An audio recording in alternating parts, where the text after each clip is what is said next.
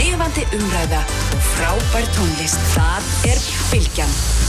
Kraftmikil umræða, alla sunnudasmórna. Sprengisandur á Bilgjunni.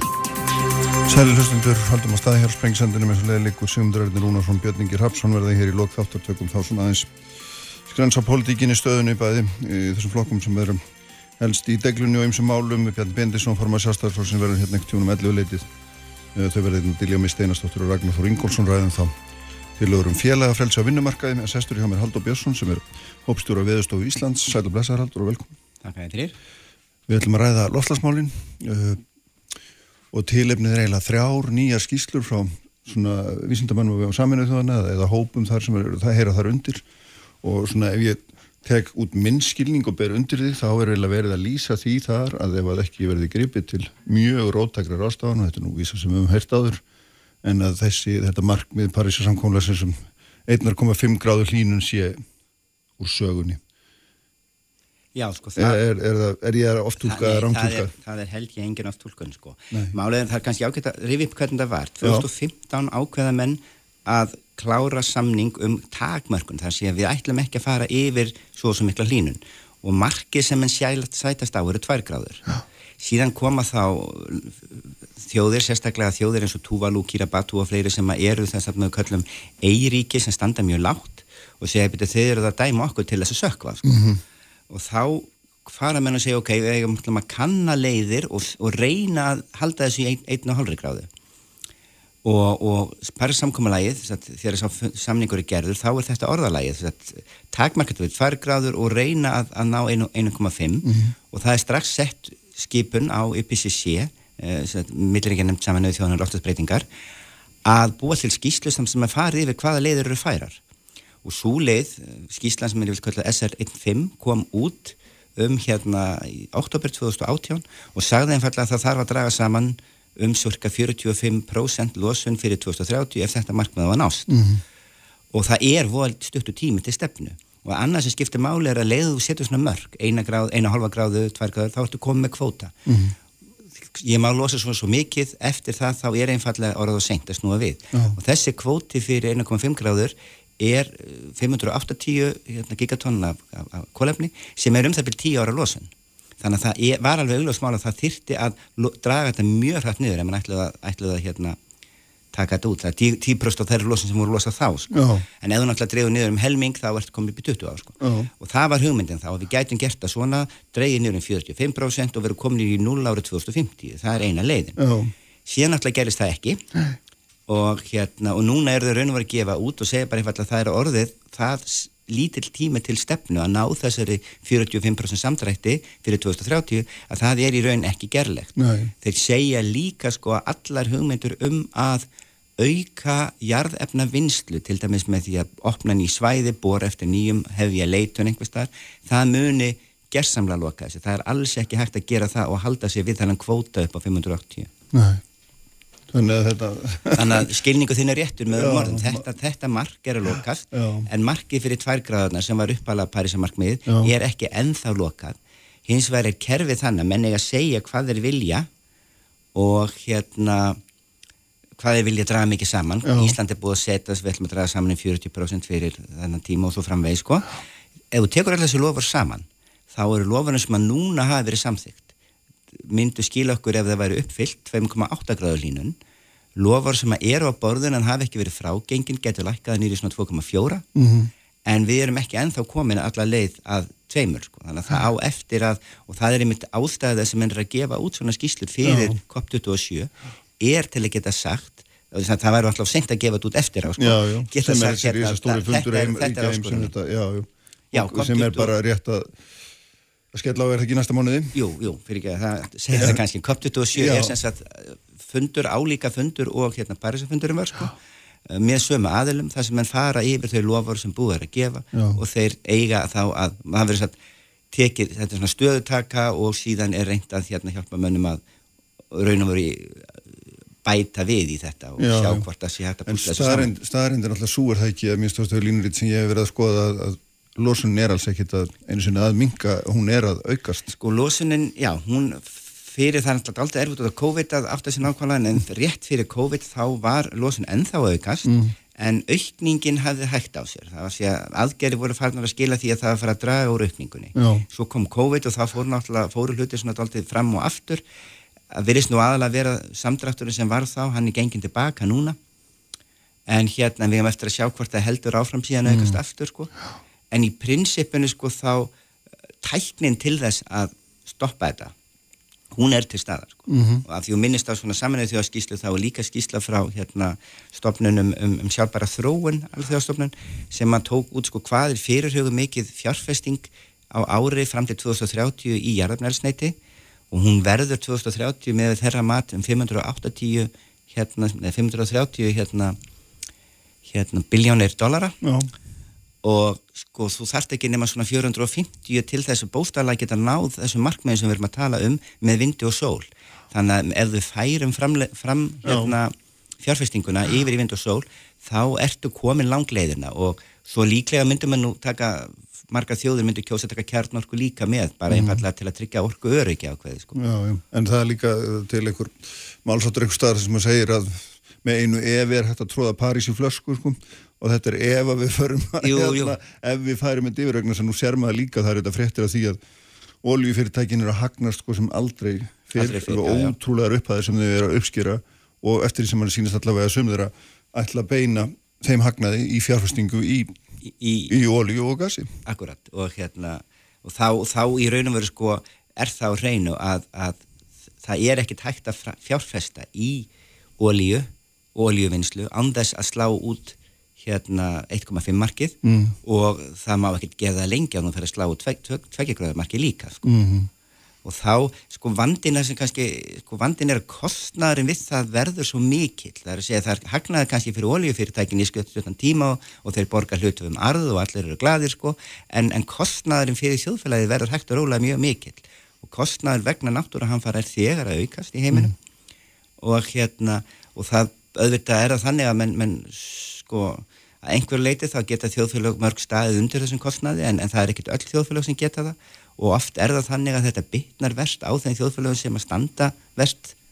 Bangladesh og, og svona önnur dæmi já, mjög oft notuð sko. Já, og hérna og þannig að fjárfestingar þó, að sé skamvinur gróði hjá olíufyrirtækjum sko, þá er þetta ekki neitt sérstaklega góð fjárfesting fyrir heiminn í heilsinni og væri miklu gáfulegra að beina þessum fjárfestingum annað sko ég hérna hitt einu sinni mann frá Shell sem var að útskýra fyrir mig hvers vegna fjárfestum við í olíu sko. Já. við prófum að fjárfesta í hérna í, í, í vindi og það skila alveg hagnaði en sko við erum ekki þannig fyrirtæki og það bara gekk ekki tóla vel hjá okkur sko. og við vorum miklu betur sett að selja einhverjum öðrum þetta því að hann gæti reyði þetta betur en við sko. já, og það er þetta er að hluti hann var mjög svona heiðarlega með þetta þetta var ekki hérna og það sko meðan að fólk vil kaupa olíu þá er ekki takt að skamma okkur fyrir þetta sko. Nei. En hérna svo sem haft ína skoðan að hvort það sé góð rökið ekki sko. Já. en hérna en, en eiga síður sko þá, þá er þetta svo raunveruleiki sem við búum í. Við erum ekki að, að raunverulega setja þann, þann þunga sem þarf. Við höfum ekki verið að gera það Nei, nei. í að skipta.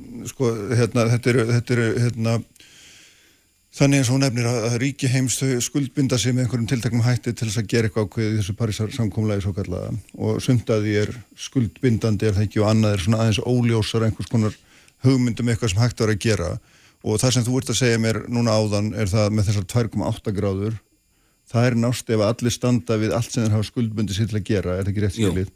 En það er langt í frá einu sinni að það sé Já, í raun, hafi raungerst, er það ekki rétt hjá mér? Jú, Eða hvað? Jú, það, já sko, það náttúrulega, þetta er bara eins og nákvæmlega eins og lofvörð Íslandinga sko, Mm. þau eru fyrir 2040 og við vitum þá hvort þau raungerðust. Já, og hérna, þannig, að- þannig að það er í sjálfu sér sko, en það breytir því samt ekki, það er ekkert allt ómur, það er margt að gerast sem að er í sjálfu sér gott, það er gríðalega mikil þróun í bæði sko endurnýjanlegum orkugjöfum og hérna svo erum en líka, það er mjög alltaf, við, við fókusum mjög mikið á orkuskipti Já. af því að orkuskipti eru svo stór hluta af þessu vandamáli en svo eru auðvitað önnur, það er metanlósun sem oft kemur orkuskiptum ekkert við mm. þeirra sko það er líka bara hlutir matvælaframleysla er, er annað sko og alls konar þannig hlutir sko og, og leiðum við fara að skoða þessa hluti þá kemur líka fyrir bara sem að kalla réttlæt, rétt lát umskipti mm.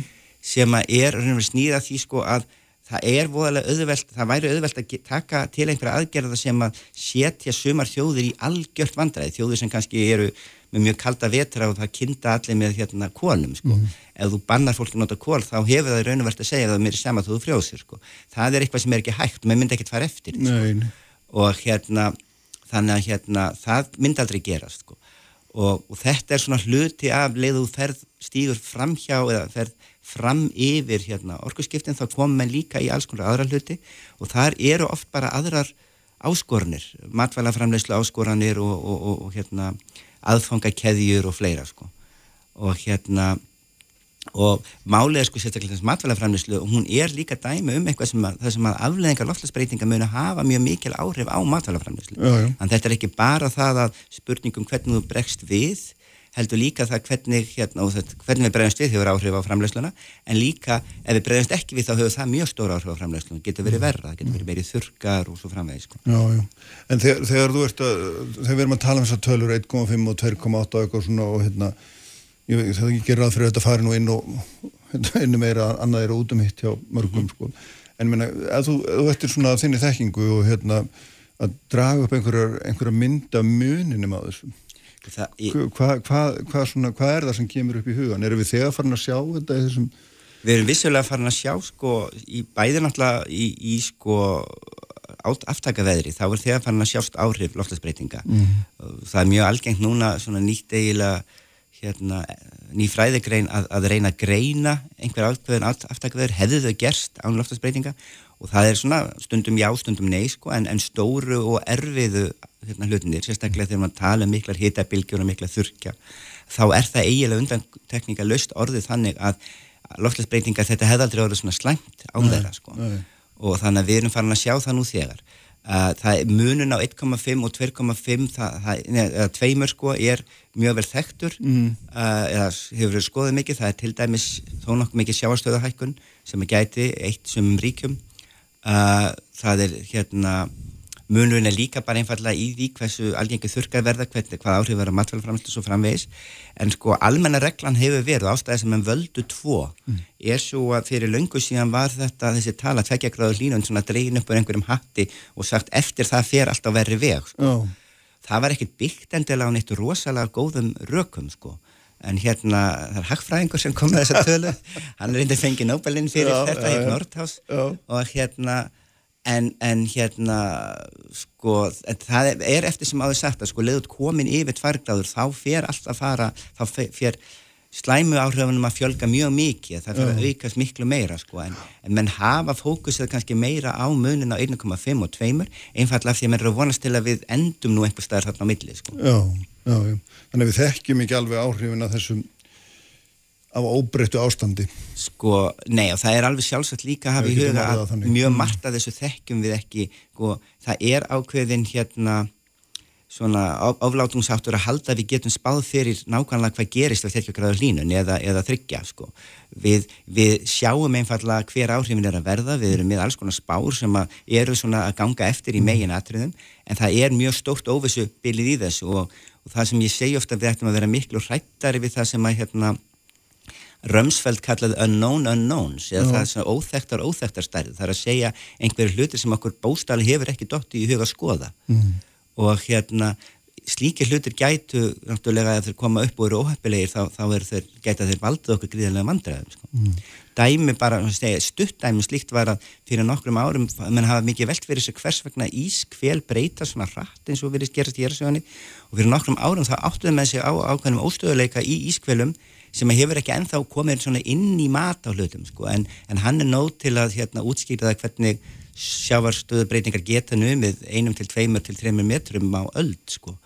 og, og hérna og það er dæmum svona óþekta óþekta þetta var í raun og veru ekkert í umræðinu finnir bara að breyka nýlega sko. Þannig að það er margt að inni sem að gæti byrst okkur á næsta árun sem við höfum ekki hugmyndum hvað er eða hvað sælis er Nei það er nú vandinn sko. Já, en hvað að því að þú ert hérna, þú ert nú uh, sérfræðingur í, í hafi og ís og, samspilið þess alls við, við loftlægið og það er þetta sem maður sér þegar maður fyrir að lesa þetta og ekki nýtt, það er, er áhrifun á sjáarstöðuna, það eru bránandi jöklar mm. uh, og hérna meir sér mjög oft, og minnst æg oftar því sem ég allavega skoða þetta meira, kannski er það bara þess vegna, þá verður að tala um golfströminn. Já sko, áhrif á hann og hann er nú það sem gerir Ísland byggilegt þannig að það færir dansi nálast okkur. Ég meina hva, hvernig er svona Jú, það færir að nálast okkur, það er rétt. Og, og málið með golfströmmin er að þetta er eins og sér sko, þetta er komið og farið aldrei mm, þessi, þessi ótti. Uh, það var þannig upp á 1990 eða 1980 að menn fóru að óttast að, að sko maður sjá í líkur að það verður svona snögt hrun. Og, og hérna og þetta sé bóstana svona að öllítið eins og bara keira svona klættabrún sko og að hérna það verði einhver smá samdráttur og svo bara allt inn og snögg kól mm. svo eftir eins og skoða þetta betur þá sjá maður nú að líklega eru svona hlutir ekki alveg jafn hvassir og mann heldur þetta voru kannski það að líkuna hafði mjög litla upplöst gátt ekki brúðist jafn mikið við að þetta verður frekar hægara og getur snúið við aftur sko sem var málið, þessi snöggur hrun vildi ekkert koma tilbaka sko. mm. og hérna og, en eftir sem að við höfum dæmi nefnilega úr jærsögunu um snögga kólnun á okkar svæði og svo línun aftur stundum sem að þó varði í sko þúsund ár þannig að það er nú ekkert endilega svona eitthvað, eitthvað, eitthvað svona sem við myndum kjósa sko. þetta er ekki, ekki bara hafísárin sko. en síðan er það þannig að, að menn svona finna út þetta sé nú líklega meira líkt bara svona stuttum nokkur áratuga kólnun og hérna tilfell er að það er ennþá alveg inni og síðustu sko IPCC skíslu var að þannig að svona í 25% líkana þá skar maður sé merkið þessa, önnur gera þetta ekki. Og það er alltaf erfitt að afta sig á því er það, það er greinlega þá að einhver líkunin hafa prósessu sem önnur hafa ekki. Hvers vegna það er að gerast? Er reynlega, þetta eru hlutir sem við vitum alls ekki nógu vel, mm. en við vitum þá sko nógu vel til að segja að það er sá möguleiki fyrir hendi og við vitum það lengi að hér verði svona stór kvarða breytingar, hvað er um það uh, golfströymurinn færist til það er nú eiginlega helst þannig sko. Mm. djúpsjáa myndun, annarkvært stoppi eða, eða byrja upp á nýtt. Og hérna, og það geta fyllt í þá verulega sveiblur í veðufari hér. Og, og til dæmis ég hef veið að skoða nýlega sko líkunum það sem að kólnar snöglega í einu og svo nokkra áratvíi er það kallt og svo hlínar aftur. Öðru líkani þá hlínar mjög mikið fyrst og svo kólnar aftur og það er skemmtilega að maður snýða þessu myndum við þá lýsa er svona álíka hvaða svæðið eru sem kólna, hvaða mm. svæðið eru sem hlitna, þau, þau eru svona sammál um þetta en þau eru ekki endilega sammál um tímaþróunina sko. mm -hmm. og hérna þetta er ákveðið hérna auðvitað áhyggjuefni sko en um leið hlutur sem við vitum ekkert allt og vel og, og meðaltali er það þannig að flest líkur myndu segja að það línar sko hjá okkur Já. og þessi áhrif eru tiltöla lítil samanböðu við það sko en, en við vitum til dæmis að þú minnist á hafís að hafís mun líklega hópa mjög mikið fyrir norðan okkur. Já. bara það eitt hitar þannig að hafi norðan við Ísland virðist ætla hlýna óháði hvað gerist annað hafi sunnan við Ísland er aðeins óljósara hvað er að gerast það sko. En það er alveg ljóstaði náttúrulega Grænlandsjökull er að Grænlandsjökull er að brána. Brána mjög mikið og, og hratt og er náttúrulega talin einn af þessum hvað hún kallaði svona Þetta er kallað tipping point sæn, sko, ég veit ekki Jú, hvað það er notað á... Já, já, vendipunta, það er ekki tilnætt gott orð á íslensku, vendipunta er orð sem við höfum notað aldrei, en hérna, Uh, það er þannig bæði Grænlandsjökull og svo er sko Grænlandsjökull er, er sko 5-7 metrar eftir eitthvað brána mikið mm. uh, eh, Söðskvæslandið með hvel sem kallum vesturkvelið er álíka stórt á Grænlandsjökull og svo eru jöklar eða hvel á hlut af austurkvelinu jöklar sem gætu farið líka mm. og þeir eru jafnstóru og hinnir sko Totten er dæmum eitthvað sem er sko er, er bara eins og starfið vesturkvelið sko. oh. þarna og það sem við ættum raun og verða mestar áhyggjur af er það sem er að gerast á Suðurskjöldlandinu því að hækkun sem að verður þar það sem fyrir sjóun á Suðurskjöldlandinu það skilja sér beint til okkar það er ákveðna flækjur með það það sem skil fyrir sjóun í, í Grænlandi það skilja sér í sjálfu sér ekki til okkar það fyrir annað mm.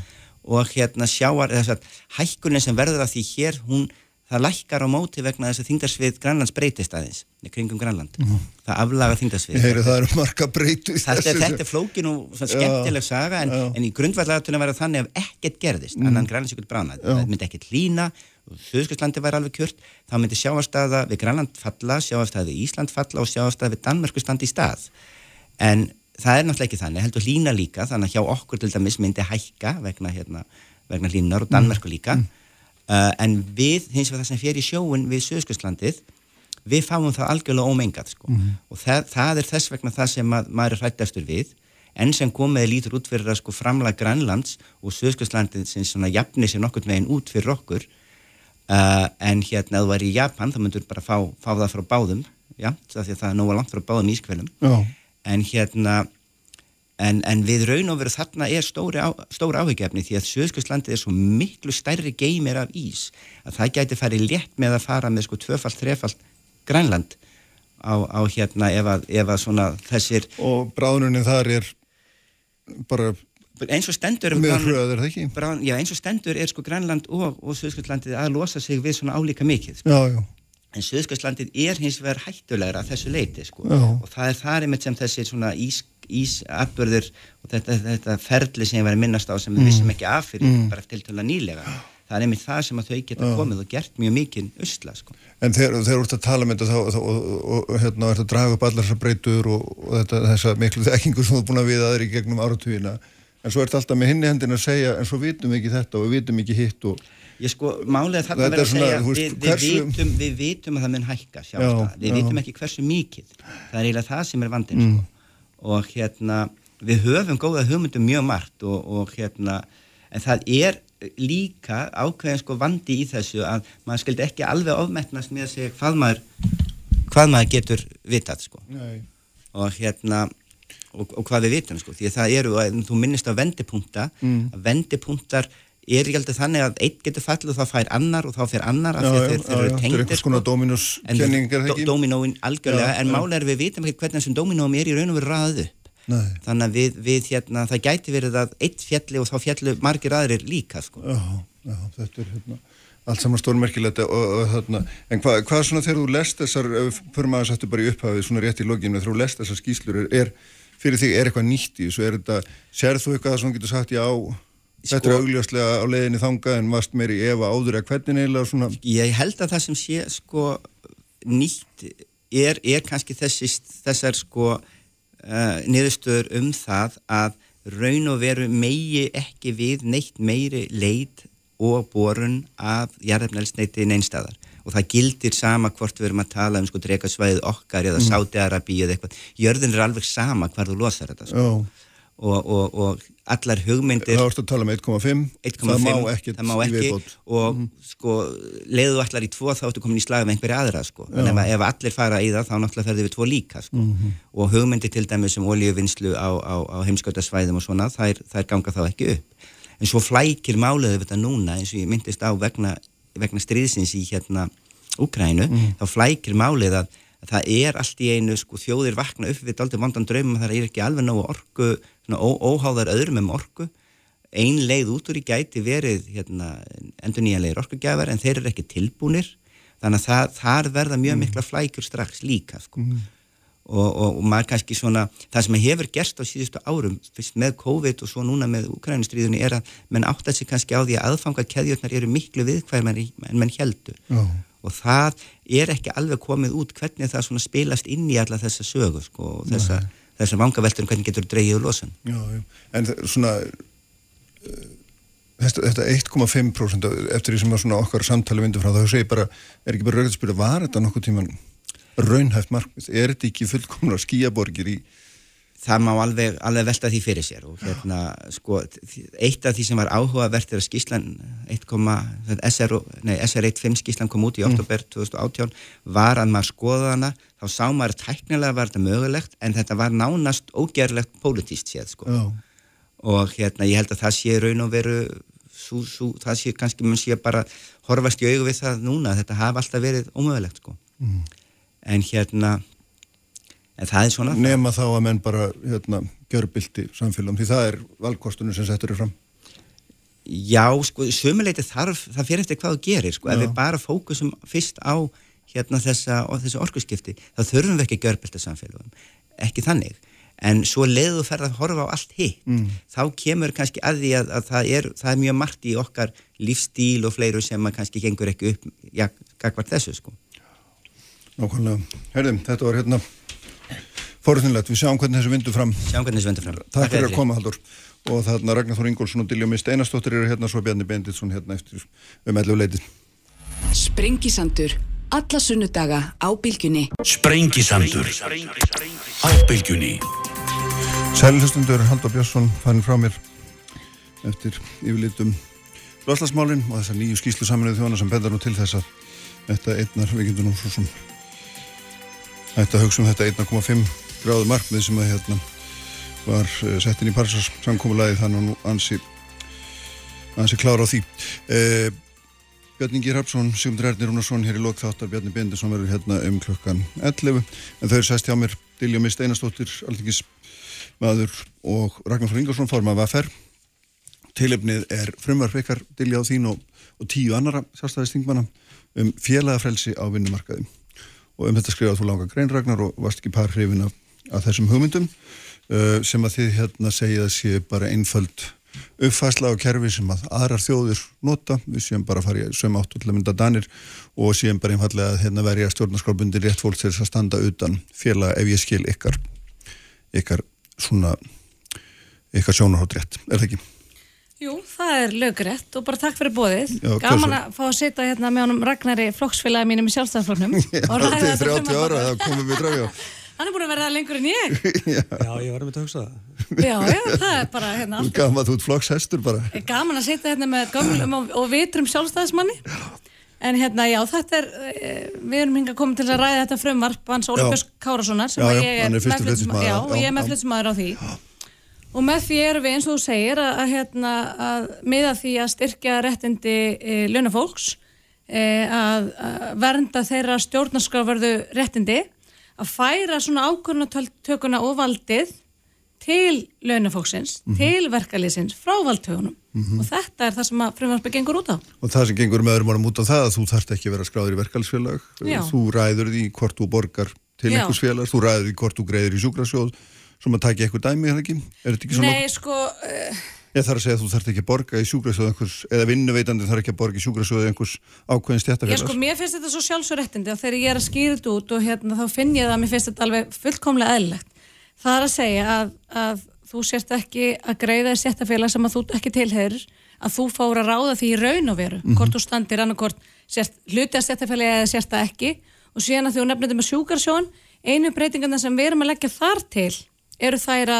að erum að atvinnureikundum, að þetta eru auðvitað atvinnureikundum sem greiða þetta sjúkarsjóskjald, að þeim sé skilt að sjúkratryggja starfsmenn í öllum tilvikum. Það er sérst viðbútin sem að, hvað var að sjúkarsjóðana að, hérna, og það er nú kannski ekki benlins aðfyrir réttundur launafólks myndi ég að tala mm -hmm. það er svona, okkur fannst þetta mikilvægt. Já, Ragnar, hvað, hérna Þetta hljómar rosalega vel. Já, þú sagðir það að þetta væri hérna, vondmál í fallegum búningi, það var einhver svona Jú, kannski ef við, ef við tökum fyrsta atrið að það er félagafrelsi á Íslandi. Mm. og uh, það, er, það er bara virt. Fólk uh, hefur þetta val nú þegar. Og uh, það sem er kannski svona alvarlegast í þessu frumvarfi er það sem er kannski minna rættum, það snýr að uh, verkarsrættinum að fólk sem stendur utan stjættafélag þurfu ekki að leggja niður störf. Og síðan forgangsrættar ákvæðin og uh, þetta er alveg klárt mál að, að uh, frumvarpinu er ekkert ætlað að styrkja í sjálfu sér félagafrelsið sem er klárlega virt í dag heldur fyrst og fremst að fara gegn raunni vægi og, og afli stettafélaga á kostnað launafólks og alminnist til lengri tíma. Mm -hmm það, allir sem að rýna í þetta og, og, og skoða til dæmis löndin sem að sjálfstæðarslokkurinn er, er að vísa til eins og, og Norðurlöndin og Breitland og viðar að þá sjáum við að niðurbrott verkefælisfélag hefur haft gríðala slæm áhrif á stöðu launafólks, sérstaklega unga fólksins og þeirra sem eru nýjur á vinnumarkaði. Og það væri mjög eh, gott ef að til dæmis fjölmærar myndi nú ræða við fórustu fólk eh, til dæmis stjættafélag á Norðurlöndunum og spurja hvað áhrif eh, slíka breytingar hafa haft. Við vitum til dæmis í Breitlandi að síðustu 12 ár það hafa launan og stekkit hækkað á meðan til dæmis hér á Íslandi hefur verið kaupandur aukning þó að síðustu mánuðir hafa verið hvað segja, almenningi og launafólki mjög erfiðar út af til dæmis hækkun á, á húsalegu mm og uh, afborgunum lána og vegna hækandi vaksta og svo framvegs en, en þetta er allt hluti sem við erum að berjast mjög uh, segja, harkalega í. Mm, þannig að þú fullir þetta frumvarp eins og það er lagt fyrir það myndi grafa undan möguleikum launafólksins að bæta sín kjör og sína stöðu en ekki hérna styrkja stöður og það er Alveg klárlega mm -hmm. að, að, að félagafrelsi er svo sannlega fyrir hendi. Ég hef kannski viljað sjá stárstæðarflokkin eh, talandu um frelsi og félagafrelsi, það nú skildi aðalda lögmannafélaginu og það skildi að vera í veiðifélagi til dæmis og það fjall nú nýlega dómur uh, það var nú Steinar Berg sem að mm. hérna já, var skildaður til þess að taka þátt í atunrekstri sem að hann var mótfallin í að vera skildaður til þess að taka þátt í í gegnum skildu aðild að, að, veiðifélagi lögbund, lögbundnu lögbundinni skildu til þess að vera í veiðifélagi og það var svolítið áhugavert í, í, í ég var nú að lesa dómin og, og, og þá vegferð alla, alla að hérna að e, þegar að e, fyrsti dómur fellur þeim í vil að, að félagið hafi farið gegn því að, að verði í atvinnustarfsemi sem mm. var ótengt e, veiðifélaginu að þá einmitt þing með sjálfstæðarsflokksins og, og, og fleiri sem að hérna, farið það að breyta lögum um hérna e, til þess að, að eh, veiðifélagi geti staðið eh, í alls óskildu rekstri sem að hann var aftur skildaður til Já. síðan fellur hæstaréttadóma núna í, í vikunni mm. þar sem að hérna, þar sem að einmitt er tekið á þessu að hérna að, að dómurinn í sjálfu sér uh, gefur lögjáðunum eða þingmennunum uh, fallengun fyrir að hafa broti gegn sem mm. stjórnaskrá og sjálfstæðarslokkunum vil verja Hérna, þú ætti aðeins að svara þessu, þetta eru hérna, hvað varðar kjörin, verkvöldin, stöðulegna mm. fólkslega berjast fyrir sín réttundum eða standa eða hver og einn maður stendur utan stjættafélags eða, eða stór hluti mm. en, en bara sumir í stjættafélagi, hvernig hérna, þið sjáu það fyrir ykkur mm. og það getur bætt stöðun okkur smanns. Mér finnst sko, hérna, ég var nú til að sitta hérna lengur og ræða við Ragnar Þórum um ímiskona félagafrælsir, það er þetta grundvalli munur því hvort þú þarfst að vera aðilega hérna, fagfélagi út af eftirlitskildu og, og og því er og á að vera auðvitað mjög þröngt sniðistakkur. Ég man reyndar ekki eftir mjög háværi umbræði þegar hérna, skildualdina SI var til og með sveldur gildi e, og, og það að fullir að það að hér sé félagafrelsi, ég verði bara að fá að mótmála því. Mm. E, hér er félagafrelsi í orði, ekki á borði. E, ef að e, starfsmunum, ef að lönnþjóðum e, er í raun gert eða ef þeim er nauðuður eitt svo kostur að tilheyra stjættarfélagi til dæmis út af þessum forgansettar ákvæðum sem að Evropa nefndum félagsreittindi hefur gert alvarlegar aðtóðsendu við að fara gegn og gangi gegn alþjóðlegum skuldbindingum sem við erum aðlar að e, þá er það auðvitað ekki félagafrelsi ef að þú ótt að hættu að, ímest missa starfið eða, eða vera ekki gælgengur í störf nema þú sért hluti að stjættarfélagi mm. þá er það auðvitað bara félagafrelsi í orði en ekki á borði e, það varandi það að sé verið að grafa undan stjættarfjölögum mér hefur þótt svolítið skrítið í þessum málflutningi að tala eins og stjættarfjölögin og fólki sem þau mynda sé einhver annar hópur. Stjættarfjölögin verkalýsreifingin er ekkert annað en verkalýðurinn sem hana myndar. Og það að, að, að hérna einhvern veginn e, bera það að borð að þetta séu gagstaði réttindi, það að styrkja réttindi fólks til að einfallega fá að velja sér það hvort að tilheri félagi eða gera það ekki að það einhvern veginn gangi gegn tilgangi eða markmið eða starfsemi stjættafélaga þetta bara kemur mér mjög spónt fyrir sjónir. Mm -hmm. og annað í þessu varandi e, bara félagafrælsi almennt og mannréttindi. Að hvað sem að mér þykir að og kann að finnast um þetta eða ragnari þá er það bara svo að félagafrælsi eru mannrettindi algild og ófrávíkjanlega mannrettindi sem eru vendu af stjórnarská, þau eru vendu af e, alþjóðlegum mannrettindasáttmálum sem við erum e, aðeilar að og mann finnst svolítið sorglegt að hlusta á fólk sem að gerðan vísar í mannrettindi og mannrettindasáttmála og, og svona þegar á tillitugum mm. að finnast eins og þetta séu rettin sem við getum kannski svona aðeins verið að setja til hliðar eða skýra eftir eigin hag, bara mm. þegar það hendar það er bara ekki þannig, mannréttindi eru algild og ófrávikileg mm -hmm. Félagafrelsi orðin ekki á borði. Það er félagafrelsi á Íslandi og það er uh, hérna og það á líka við Getur starfsfólk á vinnustöðum bara skorist undan því að vera í stjættafélagin það er ekkert mál. Það er ekkert mál í dag. Þannig að uh, þetta er í sjálf sér sko, En út af hvað gangur það fórkvæmsettar ákvæðin? Frumvarpið, fórkvæmsettar ákvæðin ganga út á uh, mjög sérstakra aðstæði sem geta skapast á vinnumarkaði En það sem að mestumáli skiptir er að eh, staða eh, stjættafélagana og verkefælisfélagana er auðvitað svo að, að búa hér til kjærasamning mm. og um kjærasamningur segir til um, um lámastlaun eh, þau sem að þarf að greiða fyrir tiltekinn störf og það njóta allir góðs af því hvort þeir standa utan eða innan stjættafélaga. Þannig að mér myndi ekkit finnast neitt óðurlegt að eins og til dæmis varandi lögmannafélagi að þar er, er lögbundin skilda til þess að greiða fyrir mm. eftirlitt að uh, fólk greiði fyrir það ákveði gjald að hér sé samtök, öflug samtök launafólk sem að gera kjærasamninga semja um réttindi, kaup og kjör veikindaréttin, uh, fæðingarorlofið uh, orlofið og svo framvegstýttingu vinnuvíku og, og fjölmörg önnur atrið sem snú að grundvallar réttindum almennings. Að þessi frekar tryggð heldur en að sé verið að reyna til dæmis að veikja stjættafjölu eins og þekkist til dæmis í Bandaríkjónum og víðar, Breitlandi, Norðurlöndunum að uh, þessi, þetta kerfismynda niðurbrót á tilveru stjættafjöla hefur haft mjög afle, af, alvarlegar afleðingar í förmessir. Mm -hmm. Við sjáum þetta í Bandaríkjónum að staða millistjættarina þar, hún hefur versnað til mikill að munna.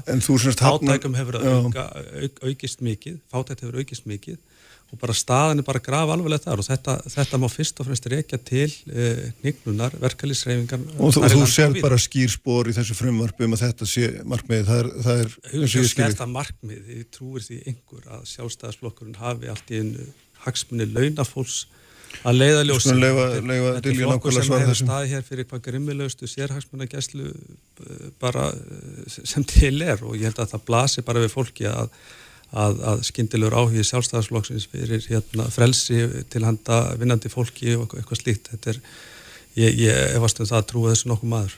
Já, ég var, var að segja það fyrir mitt liti að mér þykir alveg ósk, óskaplega gaman að setja hérna þingmar sjálfstæðarflokksins að gæta hagsmuna launafóks, að gæta hagsmuna verkaleysins, mm -hmm. gagvart valdhafa sem að vil halda alveg hérna, þjættingsfast í þessi völd sem hann hefur á þeim grundvalli að hann telur að það félag og svo félagskapur sem hann stendur fyrir, hann þrýfist ekki nema fólki sé einfallega gert skilt að tilhera félagskapur. Hann sé neittur til þess að tilhera félaginu. Það er engin skilt að greiða í stjættafjölu. Skildan er ekki til stað. Jú, jú, hún er náttúrulega til staðar meðlan sjó umbyrð starfsfólki Ég fyrir að tala um almenna vinnumarka, ég tala ekki um ofnbæra starfsfólk. Frumvarpi gengur bæð út á ofnbæra vinnumarkan og almenna vinnumarkan. Þetta er ekki skilda. Ragnar, þú verður að lega mér að klára.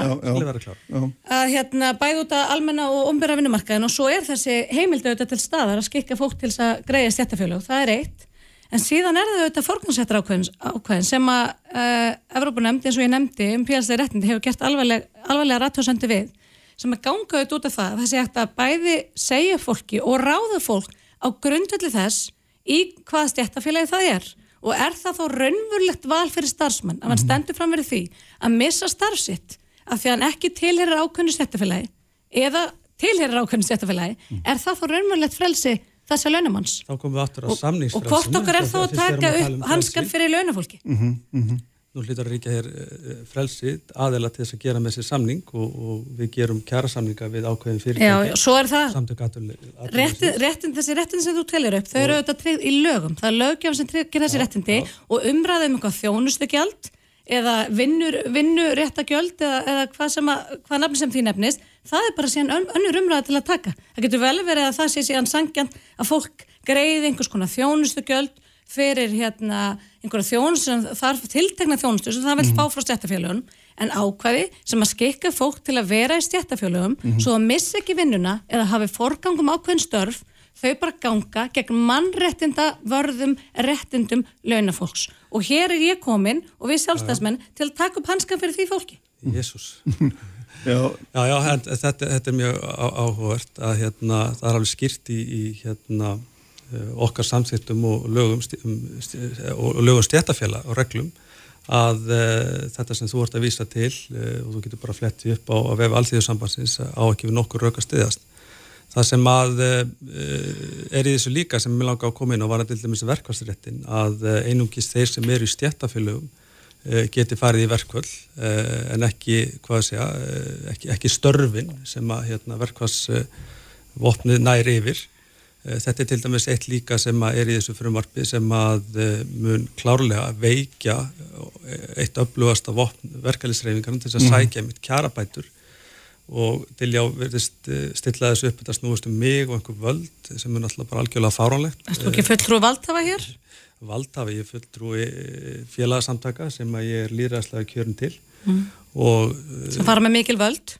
Já, það er, það er þitt mat og, og, Já, já. og, og þið, og þið, og þið viljið vil, vil draga, þið vilji draga úr Áhrif hafið þið ónættilega, það er ekki- hægt að neita því, þið- viljið draga úr þessum völdum sem að verkefnisreifingin hefur með þessu frumvarpi og það, það liggur algjörlega ljóst fyrir að, að það er eigin og megin markmið.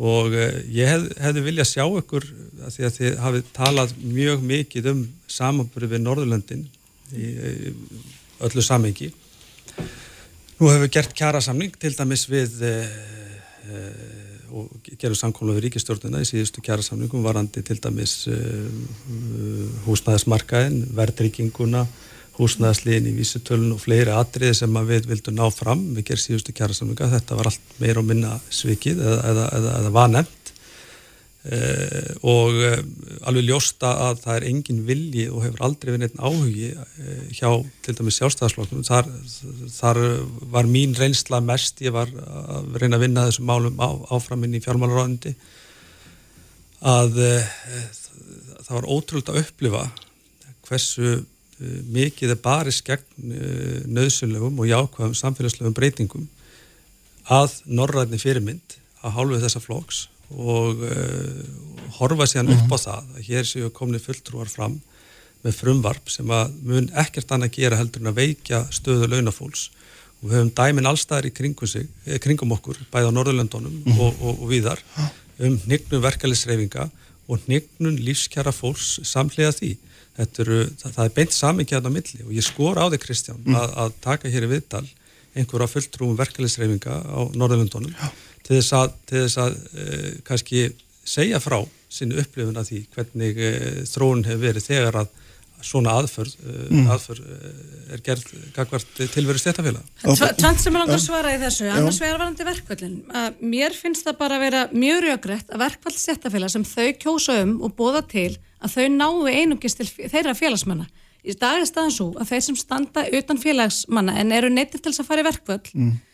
á grundvöldi þessar ákveða að þeir eiga hins vegar engan rétt síðan til e, bóta sem koma móti, e, verkfallsgreðsla eða atvinnleysisbóta eða slíkt, þannig að þeir sita bara eftir slipur og snauðir og, og þessu viljum við breyta. Og hins vegar varandi það sem að Ragnar hérna klifar á, varandi það við sem að draga úr völdum, Ími segir að reyndar e, stjættafélag eða launafólks, mm. mér finnst að þessir hagsmunni hljóta fara saman, það að styrkja réttindi félagsfólks og, og mannréttinda varin réttindi þeirra, það bara get ekki farið gegn markmiðum stjættafélaga og ég bara spyr þá Ragnar á móti af, með hvað móti erum við að, að veika verkefliðsreifinguna að veika stjættafélagin munu þessi félög þessi öflugu félög sem að vinna gott starf í þá launafólks geta þau ekki starfað öðruvís en svo að fólk sé neitt til félagskaps við þeir. Fólk er ekki neitt þess að vera í stjættafélög. Jú, þau eru það meðlans með þessum for, forgasákvæðum sem að marg ídra hefur verið gerð aðtóðsend við. Þú ert ekki neittur til þess að vera í stjættafélög þegar þú hefur þetta val, stjórnarskrá var það val. Það er ekki raunvöld val eða tættu að missa vinnuna eða hefur forgangum starf á grundvelli aðeldara stjættafélagi. Það er val. Varandi verkværsréttin, ef við tökum bara til dæmis segjum bara að helmingur fólks hjá fyrirtæki sem starfar í stjættafél og helmingur fyrir utan og það er farið hér í vinnudeilur og verkvöld eða gerðu kjærasamningur er það þá bara þessi 50% sem að fá launahækkunna eða kjærabætunar eða styttingu vinnuvíkul Réttindi sangað það, er, það, er, það eru Það er lögjafinn sem tryggir þessi réttindi sangað kjærasamning Við erum að gera kjærasamning um störf mm -hmm. og, og hérna og þegar við gerum þessa kjærasamninga þá njóta allir þessari réttinda sem við semjum um alveg saman hvort þau standi innan eða utan stéttafélag og uh, þetta er mjög mikilvægt og, og, og uh, með svona frumvarfi náða það fram að ganga að, að verkalýsreifingin fer ekkert á hliðina sko daginn eftir. Þetta er uh, vegferð, þetta er þróun mm -hmm. sem að við höfum svo fjölmörg dæmi í kringum okkur. Bara Norðurlöndunum, Evrópu, Bandaríkjunum sérstaklega Breitlandi Hvernig væri nú staðan hérna á Íslandi ef, ef að nú eru íhalsflokkunum verið við völd í Breitlandi hvað síðust 12 ár? Hvernig væri staðan hér á Íslandi ef laun hefði ekki hækkað síðustleginn 12 ár? Hvernig væri staðan hjá fólki? Mm. Ef, ef, ef að kjara samlinga nýtt ekki við og ef, ef við værum ekki með þessa upplugu, reyfingu til þess að ekki bara gera kjara samlinga, mm. þetta er líka verjast, þetta er líka varnabárta, við skulum ekki gleyma því að helstu markmið til dæmis atvinnreikanda og, og, og, og sjálfstafsmenn hafa nú talað stertinn í það líka að hér verði hægt að vinna dagvinnu á kvöldin og um helgar. Að fyrirmynd hvað, breyta og, og, og fleiri þjóða. Veist, þannig að þetta er, þetta er varnabaróta mm -hmm. og, og við verðum bara verja tilveru stéttafélag vegna þess að spórin ræða og dæmin eru víða En það er líka með stéttafélagin um að skjóta því að hérna, þau eru náttúrulega ekki bara til þess að semja um kaup og kjör, það er svo margvíslega önnur mm -hmm. réttindi mm -hmm. og margvíslega svona mm -hmm. fríðindi sem fylgja því að vera í stéttafélagi, ég mun tala nú bara um hérna niðugreðslu og glerugum eða eitthvað, mm, þú veist, það er mhm. alls konar hlutir sem að hérna, koma fólki vel. Já, sem auðanfélagsfólks nýtur ekki. Nei, nei, akkurat, en ég segi það. En, en síðan einhver sé að skikku, veist að bera alla skildindar en engin réttindi, svo e, í fyrsta lagi þá langar mig til þess að nefna það að ég er ekki endilega samanlega því að verkefliðseyfingar á Norrlöndun séu veikari að, að það sé, sé færra félagsfólk. Ég bara get ekki tekið undir það Ég held til dæmis að verka lýs e, þáttaka í, og þáttaka í stjættafélagin sem ég örgla bara fíkna góð og sterk í, í Kína, ég er ekki við sem að réttin til launafólks endur spekli það. Þannig að e, ég bara er ósamlega því að stjættafélag á Íslandi að þau get ekki starfað og blómstrað og jáfnveil orðið starri og sterkari þó að þau þurfa að afla fylgis við sig með beinum hætti. Þó fólk sé ekki bara skikkað til þess að eiga aðelda þeim. Ég hef bara meiri trú á verkefliðssefingunum heldur um það. Við höfum séð það að þau hafa eins og Ragnar hefur greint frá og okkur greinir ekki á um e, stórelt og styrt réttindi launafólks og auðvitað ættu þau að fá fólk til fylgis við, við sig með, með það markmið og, þetta, og það að, að gefa fólki þannan valkost að bara geta valið sér stjættafélag eftir því, e, e, eftir því hvað þeim þykir henda hverju sinni það munu auðvitað bara styrkja aðhald með verkefliðssefingunni hún getur þá kannski fara að einbæta sér bara meira því að að þjónusta fólk að bjóða í betri þjónustu í, í stað þess að vera í innbyrðis átökum. Og svo er annars sem ég langar að nefna meira af gamni en alvöru að það er nú skemmtilegt að sjá hvað þetta frumvarp okkar sjálfstæðismanna hefur þjætt raðir verkefliðssefingarnar mér síndist ekki veit af. Og bara það var lítið Já Já mm -hmm. Já það er, það er hérna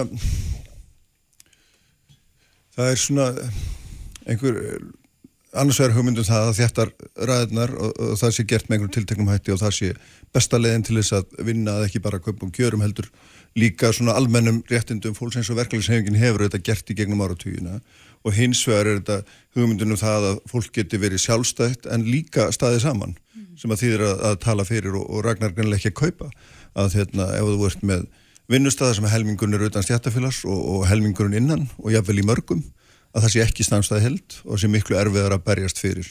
En þá hefur hann kannski bara minni trú á fólki heldur en ég. Ég held að það sjáu bara þessa augljósu kosti, mm -hmm. hvaða er fælsmikil styrkur í samstöðinni. Við skulum taka dæmi að það sækja tveir einstaklingar um störf og annað þeirra er í stjættafili, hinn ekki. Hvort, hvor aðilinn heldur að atverður ráði til sín þann sem að stendur innan stjættafélags eða þann sem stendur utan stjættafélags og ég held að þetta sé svolítið mikilvæg spurning fyrir fólk til þess að, að, að huga að að e, ná þetta frumvarp fram að ganga að, að e, þá er þetta upphafið af sambarleir nignum stjættafélag. Þú myndir segja það aðtunurikandi ráðan utan stjættafélagsins af því að hann er, hann er stendu veikar. Þetta er miskilningur, það er sérstaklega tekið á þessu frumvarpani, það er bæði, bæði bannaði mismunna fólki á grundulis stjættafélagsaðaldar og að standa utan þeirra mm -hmm. er, er, er þá atverðreikundur bannað og, hérna, og bótaskilt þegar þú stendur með sínkra atverðinu umsóknuna og þú horfir á, á, á það Já. hvernig ætlar að fylgja því eftir? Það eru auðvitað bara staðsmæðan sem fylgir því eftir. það er eins og öllum öðrum réttundum þegar hann stendur í fram fyrir því að sækjum vinnu. Að honum sé mismunna á grundvelli ólögumætra sjóna með öllu er á botnikvolt að þá blasir náttúrulega við eh, sko, hver megin tilgangurinn eh, með þessu frumvarfi er. Það er ekki að auka eða valdefla eh, hérna, fólk á vinnumarkaði síður en svo, ég menna sá sem stendur utan stéttafélags, það þarf að greiða fyrir Eh, hvað sé að lögmaskostnað og ímislegt annað þurfum að sækja ressin eh, í hvaða stöðu er fólk utan stjættafélag til að semja til dæmis um aukin veikindarétt, stittir í vinnuveiku mm -hmm. laun til dæmis? Uh, og við skulum lega til í að svara þessu þetta er mjög mikilvægt aðriði en byrju sjá, þeir eru ekki einmitt þá hægin í því að, að ganga í stjættafélag taka þátt í þessari samanlegi barðu, taka virkan þátt, ekki bara út af skildu aðeins. Þegar aðtunulífið eh, hins vegar hefur, hefur þess að tvo valkost að ráða til sín fólks eh, ráð, ráð til sem fólk sem að stendur utan stéttafélagi eða, eða er í stéttafélagi að þá vitum við alveg hversu nýðustada verður og, og þetta er svo þróun sem að hefur verið að gerast á Norðurlöndum. Við sjáum til dæmis í Svíþjóð, þar hefur stéttafélags aðild hrapáðu hvað yfir 80% og er komin undir 50% eftir því sem ég best veit og, og, og þetta hefur verið að gerast líka á Norrlöndunum smá saman uh, og, og þú drefur það álutun sjálfkrafa það stjættafélagin séu veikar af þeirra mástöðum Að, að, að, að sjálfsögðu En verkefnileg semgin í Kína, hvernig eru sko, réttindu launafólks þar? Öfgafylstu dæmin, kannski þá er þetta að sjá til dæmis mjög skýran hnignun verkefnilegsfélag bæði bandaríkjum og Breitlandi og, og við sjáum hvernig lífskjör hafa þróast þar þetta er rauninni bara upphafið af uh, sambarleiri vegferð og, og þetta munir kannski ekki gerast í, í minni tíð sem formaða vegferð, ég á að geta að vera svo kannski lengi formaður kannski nokkur árið í bóti ef, það er stemning fyrir að halda mér áfram En, en, en þetta er upp á ákveðinu vegfur, ákveðinu mhm. þróun sem við eigum að varast og er rauninni e, sko samfélagslega mjög hættileg. Já, við sem þú hérna hefur eina myndi til að klara. Já, ég bara tek undir þetta bara þegar að Ragnar hérna þránefni bandaríkina, þau eru engin, ekki sérstaklega góð fyrirmynd, þau eru góð fyrirmynd í mörgum, mörgum en ekki þegar það kemur að réttundu launafóks og skipulagi á vinnumarkanum, en bara ég hef bara meiri trú á bæði fólki og stjættafölum en það að ég telli að það þurfa að hafa veit fyrir fólki mm -hmm. að það er að taka þátt í starf og virkan þátt í starf sem er stjættafélaga af því að það felist kraftur í samstöðinni og síðan trú á stjættafélagunum varandi það að það mikilvæga starf sem að þau vinna í þáulögunum fólks að það mun ekki hafa til fólks og það mun af fúsum og frjálsum vilja. Velja að taka þátt það í þeirra stafsemi. Það var alveg til staðar, það er til staðar í dag og ég bara, ég, ég bara var til að loka þessu svolítið að, að, að stjættafélagsaðild og staða stjættafélag í Íslandi er eitt af því fáa sem við erum til fyrirmyndar fyrir Norrlöndin mm -hmm. og við erum að halda því e, til haga. Ljómandi. Bestu þakki bæði tvoðum. Simdur Ernin, Björn Ingir Hapsson, Nílokk Þáttar verða hérna en Björni Bendisson, formar sjálfstaflóksins, er næsti gestur. Sprengisandur Ábylgjunni Sprengisandur, alla sunnudaga á bylgjunni. Særilistinu góður, velkomin áttur. Björn Ingi Hrapsson, Simdur Erni Rúnarsson verið hérna í lók þáttarins Estur hjá mig Bjarni Bendisson, formaði sjálfstæðarflóksins, fjármálur á þeirra. Sæl blessaður, velkomin. Já, góðan daginn, takk. Uh, Málmáluna, ég er auðvitað þetta, það er Guðlúð Þórfið búið til Bladamannfundir eftir hátti, það er nú ólíklegt hann sé að búið til bladamann að funda til þess að tilkynna að hann ætl ekki gera neitt í stöðinni eh, heldur hérna og þú, hann lofa að láta þig vita og nú er það bara fyrst spurningin. Hefur þið hert í honum í morgun eða? Já, ég er, hefur hert í honum. Já. Nú kemur löngfögn hér Já, ég finna eitthvað hefur hann sagt. Já, verður ekki guðluð bara þóra að, að verður ekki guðluð þóra bara að fá að eiga sitt móment og Já. það er bara í fínulægi mjög vegna. Já en við gerum ráð fyrir hans ég að fara fram. Ég held að eitt væri hérna eitt væri sérkennilegt. Eitt væri sérkennilegt. Hvernig líst þér á það, ef við ekki bara gefa okkur það fórsundur núna í þessu samtali að svo sé og hérna já, já, já, ég meina ég er alveg skýr og hef alltaf verið með það að, að sko, það á engin tilkall til þess að halda formanstól í sjálfstæðarfloknum eða öðrum kjörnum embættum. Það á engin tilkall til þess að vera kosun aldrei gefur höfuð eða, eða fá ykkur embætt innan þingflokksins eða annar staðar Þetta eru hlutir sem við viljum uh, ráða fram úr með líðræslegum hætti og, og það er bara stolt og heiður fyrir mig að hafa fengið að vera formaði sjálfstæðarflokksins þetta lengi. Og, og nú er staðan þessi að, að við fórum í kostningar í fyrra og, og ég kom að því að tryggja sjálfstæðarflokknum sæti ríkistjórn með nýjum stjórnarsáttmála og það var nú heilmikið vinna á baku það en en eitt ári liði síðan og, og mikið eftir að kjörtíðanbylnu og ég er enn bara að fullum krafti að vinna framgangi okkar stefnu, okkar stefnu mála og mér finnst það að hafa gengið vel, mér finnst það að hafa skilað frábærum árangri og, og það er árangur sem að ég tel að, að hérna, eigi að vera aðal mælikvarðin á það hvort að maður e, geti verið sáttur við sitt framlag. Mm -hmm. Árangur fyrir fólk, hvernig hefur fólk það, hvernig hafa lífskjöri landinu þróast, hvernig höfum við byggt upp fyrir framtíða kynnslóður hvernig höfum við náða að hlúa að samfélaginu og ég er bara mjög stoltur af því sú, hvernig svo staða lítur út í dag og hvernig hún hefur verið að þróast. Hvernig tólskar þá svona þessar þessar botlalíkingar og augljóslega þessi, ekki, þetta er ekki viku gamlar hæringar, þetta hefur verið greinilega að þróast eitthvað tíma, þetta gerist nú ekki svona alveg á nóinu sjálfsagt. Já, ég... Það lítur á ég, þetta sem einhvers konar ég veit ekki, vantraust eða, eða hvað orðið best að nota í því en einhver er einhver ekki ánaður Já, sko við höfum átt stutt samtöl uh, við Guðlegu Þór og mm. hérna svona uh, það hefur bara gerst núna allra síðustu daga og það hafa ekki komið fram neinar ábendingar eða gaggrinni sko, sem að varða málefnalegar áherslu sjálfstæðarflóksins og ég myndi geta skilið það mjög vel sko, mm -hmm. ef að menn segðu, við erum bara rángur í braut við þurfum að breytum stefnu, við þurfum að einbytt okkur að málaflokkum sem hafa verið skildir út undan. En það er alls ekki heldur varða þetta fyrst og fremst eins og ég er að upplifa það uh, það hvernig flokkurinn starfar og hvernig einra starf flokksins fer fram og aðri, þess, aðri slíkir þættir jafnvel verkaskipting millir fólks. Og um, það má alveg ganga til kostninga um það en, en það sem ég mun leggja áherslu á í, í hérna, minni pólitík hér eftir sem hinga til og í aðranda þessa fundar og fundunum sjálfum er bara það við lofum að skila árangri, við erum að skila mjög góðum árangri. Við getum talað um e, síðustu þrjú árin, við getum talað um síðustu sko, tíu árin. E, við, Ísland, samfélagi hefur verið stöður í sótt og ef að sjálfstæðis stefnan snýst ekki um það að bæta lífskjöri landinu fyrir alla tekjuhópa þá eh, er, hef ég miskilið eitthvað. Það sem kemur ekki fram að hans hálfið þessum samtölum neinskonar hugmyndum það að, að flokkurinn sé á skakri leið í einu einasta máli. Er, er, ég, ég hef ekki heyrt, ég, sko, við erum að tala hérna um átvita í Reykjavík, já, mann sem er lifandi í stjórnmálum. Algjörlega. Ég, ég hef ekki tekið eftir því að það hafi verið í ofnberi umræðu af hans hálfu Eh, gaggrinni á málefnarlegar áherslur ríkistjórnarinnar eða flokksins eða krafa um að við tækjum upp nýja stefnu, breytingar eða annað þessu. Ég kannast ekki við það Nei. og það hefur ekki komið fram í samtölu mynda fann að daga. Nei. En en menn vilja kannski komast að til þess að fá meira stjórna innrastarfinu og hvernig flokkurinn starfar og annað þess áttar og gott og vel, þá, minna, þá er þetta bara, ég vil ekki segja það bara eins og er, þetta er bara gammaldags valdabarta mm. í flokkna og, og það er alltaf að kjósum það. Það er gömlu fylkingar, svo kvöldu. Já, já, já, já. Með nýjum önnum. Já, einmitt. En það er náttúrulega líka hérna, þekkt slagur í pólitíka og ég man ekki hvaðan það kemur að 30 ára sjálfsagt ef að kallin í brúni fiskaríki þá þarf að skipta honum út.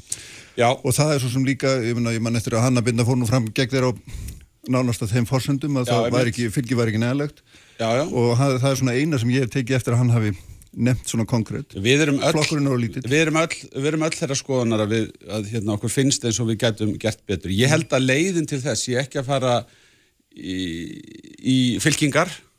Ég held að sé öfugt. Ég held að sé með því að snúa bökum saman taka það upp á yfirborði sem menn telja að geti orðið til frekar í framdráttar fyrir stefnuna og vinna af einurði innri málunum. Ég held að átök innan flokksins séu ekkert sérstaklega líkleg til þess að hjálpa til við að auka fylgið. Ef að flokksmenn get ekki staðið saman, mm -hmm.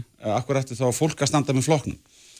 Og uh, það er nú bara svona mín einfalda sín, en ég legg bara aftur og aftur áherslu á það. Ég sækist eftir endurkjöri af mikillega auðmygt, ég lít svo langt í frá á það sem sjálfsæðan hlut að fá endur nýjað umbóð, hef aldrei gert það og það er e, bara með stolti sem ég fengið að og, og synd þessu starfi mm.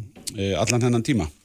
Hvaða áhrif hefur svona eins og þú ert að nefna þegar að þegar flóksmenn skiptast í fylkingar? Hvaða áhrif hefur það? Er þetta, er þetta þannig að hérna, nú farið þið á landsfund eftir viku og, og svo hérna, sí, hérna vinnur sittjandi formaður og, og lappa menn það bara glæðir út og já, menn það... halda bara áfram í vinnunni eða hvaða áhrif já, hefur þetta? Já, það fer allt eftir því hvernig menn spila úr sko. Við getum sagt að hérna, veist, það, er, það er best að hamra í átnum þessum eldurinn er heitastur en, en ef menn ger eitthvað mistök þá getur allt sprungið og sko ég held að sé hægt að nota spennu, uppbyggilega umræðu, uh, jákvæða gaggrinni. Ég held að það sé hægt að nýta slíkt sko til uppbyggingar og sóknar, engin spurning, mm. en niður yfir neikvæðni uh, að skipa fólki fylkingar og annað þess að það augljóslega held ég að get ekki orðið til góðs og uh, þess vegna skiptir öllu máli hvernig menn stíga svona skref með hvaða áherslur það er gert og, uh, og við verðum líka, við ætlum að sækja ekki fylgi, mm. þá verðum við líka að láta fólk fá það stert á tilfinninguna að við séum ekki í þessu til þess að sópa völdum til okkar sjálfra heldur við erum í þessu mm. til þess að gera fólki auðveldar að ná endum saman, hjálpa fólki að lifa góðu lífi, við séum að hugsa um lífskjörin hjá fólkinu sem býr í landinu. Mm. Við erum minna að hugsa um það heldur en vegtullur en sjálfstæðisflokksins. Við erum, miklu, við erum, við erum minna að hugsa um vegtullur en sjálfstæðisflokksins heldur en, heldur en það sem að raunverulegu máli skiptir. Stjórnmálin eru hugmyndafræðileg hugmyndafræðilegu vettfangur þar sem að tekist er á um það hvaða stefnu, hvaða áherslur það eru sem að eru líklegastar til þess að bæta lífskjör til lengri tíma. Mm -hmm. og, og mena, það er það sem að, þetta hefur alltaf snúast um hjá mér. Já, en hva, hvað er svona hérna, auðvitað er þetta fabulasjónir og hérna, leið mér ans að halda áfram í því vegna hérna, setja nú svo að sýtjandi formaði tapi. Já. getur hann setja sem fjármúlar á þeirra það, það fer svo margt á stað Já, er, ég, ekki, eða hvað? Jú, ég menna, ég ætla ekki að vera að hérna, draga fjöður yfir það. Ef að mínum tíma sem formanni líkur mm -hmm. í þessu kjöri, þá er mínu tíma í stjórnmálum bara lokið, það er bara ekkert flokk með það. það. Já, já, ég myndi, mér finnst það líka bara eðlegt og, og, og, og ég myndi alveg geta sætt með það. Ef, fló, ef það er vilji... Þú keppnismæða Bjarni, ég trúi því ekki að hérna, sittir hérna og segir og sættir við það. Ég held ég vinni þessa kostningu. Já, já, já, allt í lagi. Já, ég held ég, ég, held ég vinni þessa kostningu. Það, það, það, er, hérna, það er mín tilmynd. Af hverju segi ég að ég geti sætt með það? Það er vegna þess mm að það er ekkert sem að er mínum vilja framar en það að vilji flokksmanna ráði fyrr. Ef það er vilji flokksmanna að binda enda á mína formastíðnuna mm -hmm. þá sætti ég mig að sjálfsögðu við það. Og, um og, og, þá... og það, það, það er það sem verður að fá að ráða sko. og ég, það, ég ljósi þess hversu lengi ég hef verið að ég er samt sem aður ennþá ungum maður ég meir segja yngri heldur en Guðlegu Þór að hérna að sko þá er ég með fulla starfsorku, ég hef öruglega aldrei á minni starfsæfi haft jafn mikla reynslu, mikla þekking á því sem ég er að gera eins og einmitt í dag. Og ég mæti gladur í vinnun okkur um einasta degi. Í augnablikjuna get ég svo sem sagt að, að hérna, það hefur stundum verið þannig að, að maður hefur fundið fyrir miklu þrýstingi frá stjórnaranstöðu og, og það hefur svona kveikt í manni eldmót til þess að standa sig ennþá betur. Ég hef ekki fundið fyrir miklu aðhaldi frá stjórnaranstöðinu til þessa en það eru verkefnin, það -hmm. eru þessar krefjandi aðstæður sem við stöndum fram með fyrir, efnahagsmálinn, nú þurfum við að nániðu verðbólgunni sem er risastort kjaramál fyrir heimilinn og það eru kjarasamningarnir sem eru framöndan, það er staða ríkisjós til lengri tíma, hvernig getum við tryggt að við séum ekki að taka út lífskjör í dag? Mm -hmm með því að taka lán sem að kynnslóðunar sem að eftir okkur koma að borga. Þetta eru bara svona grundfallar atriði sem ég er að berjast fyrir. En þessi, hérna, þetta sem vart að lýsa mikil áströðu eru verkefni sem þið langar að takast á við. Já, þessna er, er í framböðu. Þessna er í framböðu. Ég, ég, sko, ég þú, þú, þú, þú, spurningin þín var þessi. Já. Hvað gerist þegar þú tapar? Já. Þá segi ég, þá, seg, þá er það bara komið stopp hjá mér. Já, þá er þetta bara hættur í stjórnmúlu.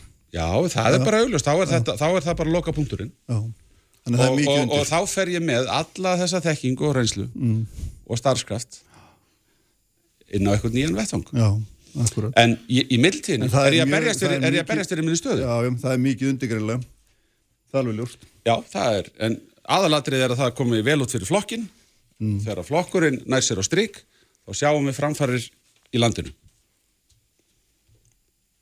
Hvað gerist núna á þessari vikum? Er fara manni harða kostningabaróttu?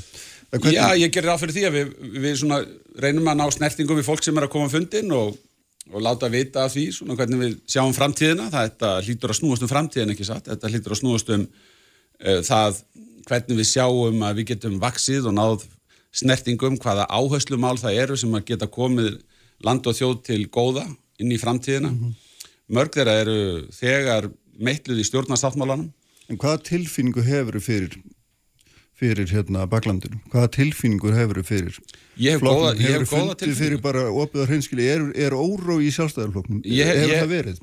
Já, það hefur oft verið eh, spenna og valda baróta, ég meina, það hafa verið hérna stór prófkjör og það hafa nú yðurlega verið átök, eh, sko, e, þegar að er verið að vinna undirbúningi frambóða, en það sem ég finn almennt fyrir er bara góður andi í garð um, þess að, að við skulum hafa náð að vera leiðandi allan ennan tíma að við séum að vinna risastórum málum. Sjáðu bara ráðuniti sem við erum uh, að stýra núna. Mm. Fjármála efnaðsráðunitið, umhverfisráðunitið og lofslagsráðunitið og, og þar sem við erum með e, orkumálinn líka, við erum hérna með háskólamál, nýsköpun og yðnað, dómsmálaráðunetið, mikilvægt ráðunetti og svo auðaríkismálinn. Allir þessi málaflokkar eru í deglunni núna og við uh, sko hljótum að leggja upp úr því að meðan að við erum í þeirri stöðu mm.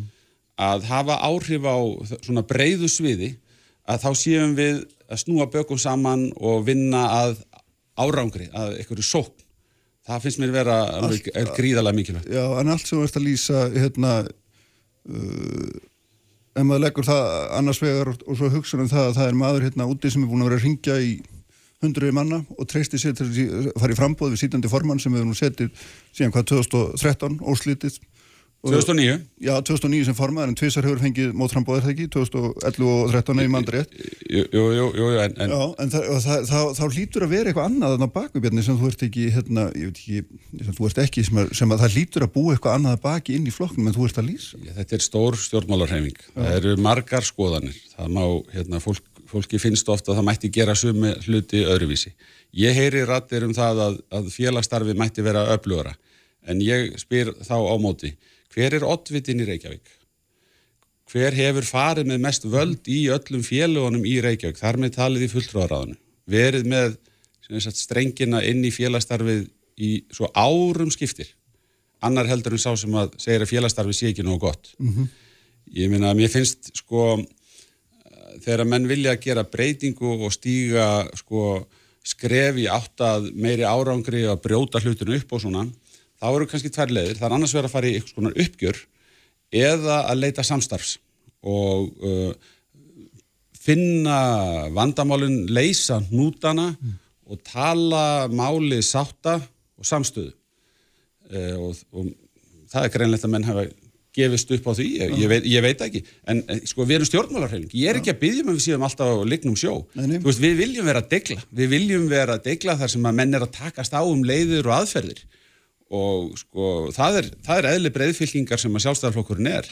Þannig að þegar að það eru einhverjir í flokknum sem að segja, ég myndi gætna vel að gera þetta örfis og maður líst vel á það sem að Guðlu segir um það bara fínt sko. Mm -hmm. ég ætla ekki vera talsmaður þess að við kæfum slík... líðræði í flokknum. Nei, nei, það hafa bara engi slík samtal farið framgrunlega Sko, það sem, að, það, sem að, það sem að mig undradaldi í þessu öllu saman er, er bara einfallega það að máli skul ekki snúast um sko, mál sem að snerta heimilin í landinu beint heldur fyrst og fremst einhvers konar innanflokksmál hvernig flokkurinn starfar sem slíkur. Mm -hmm.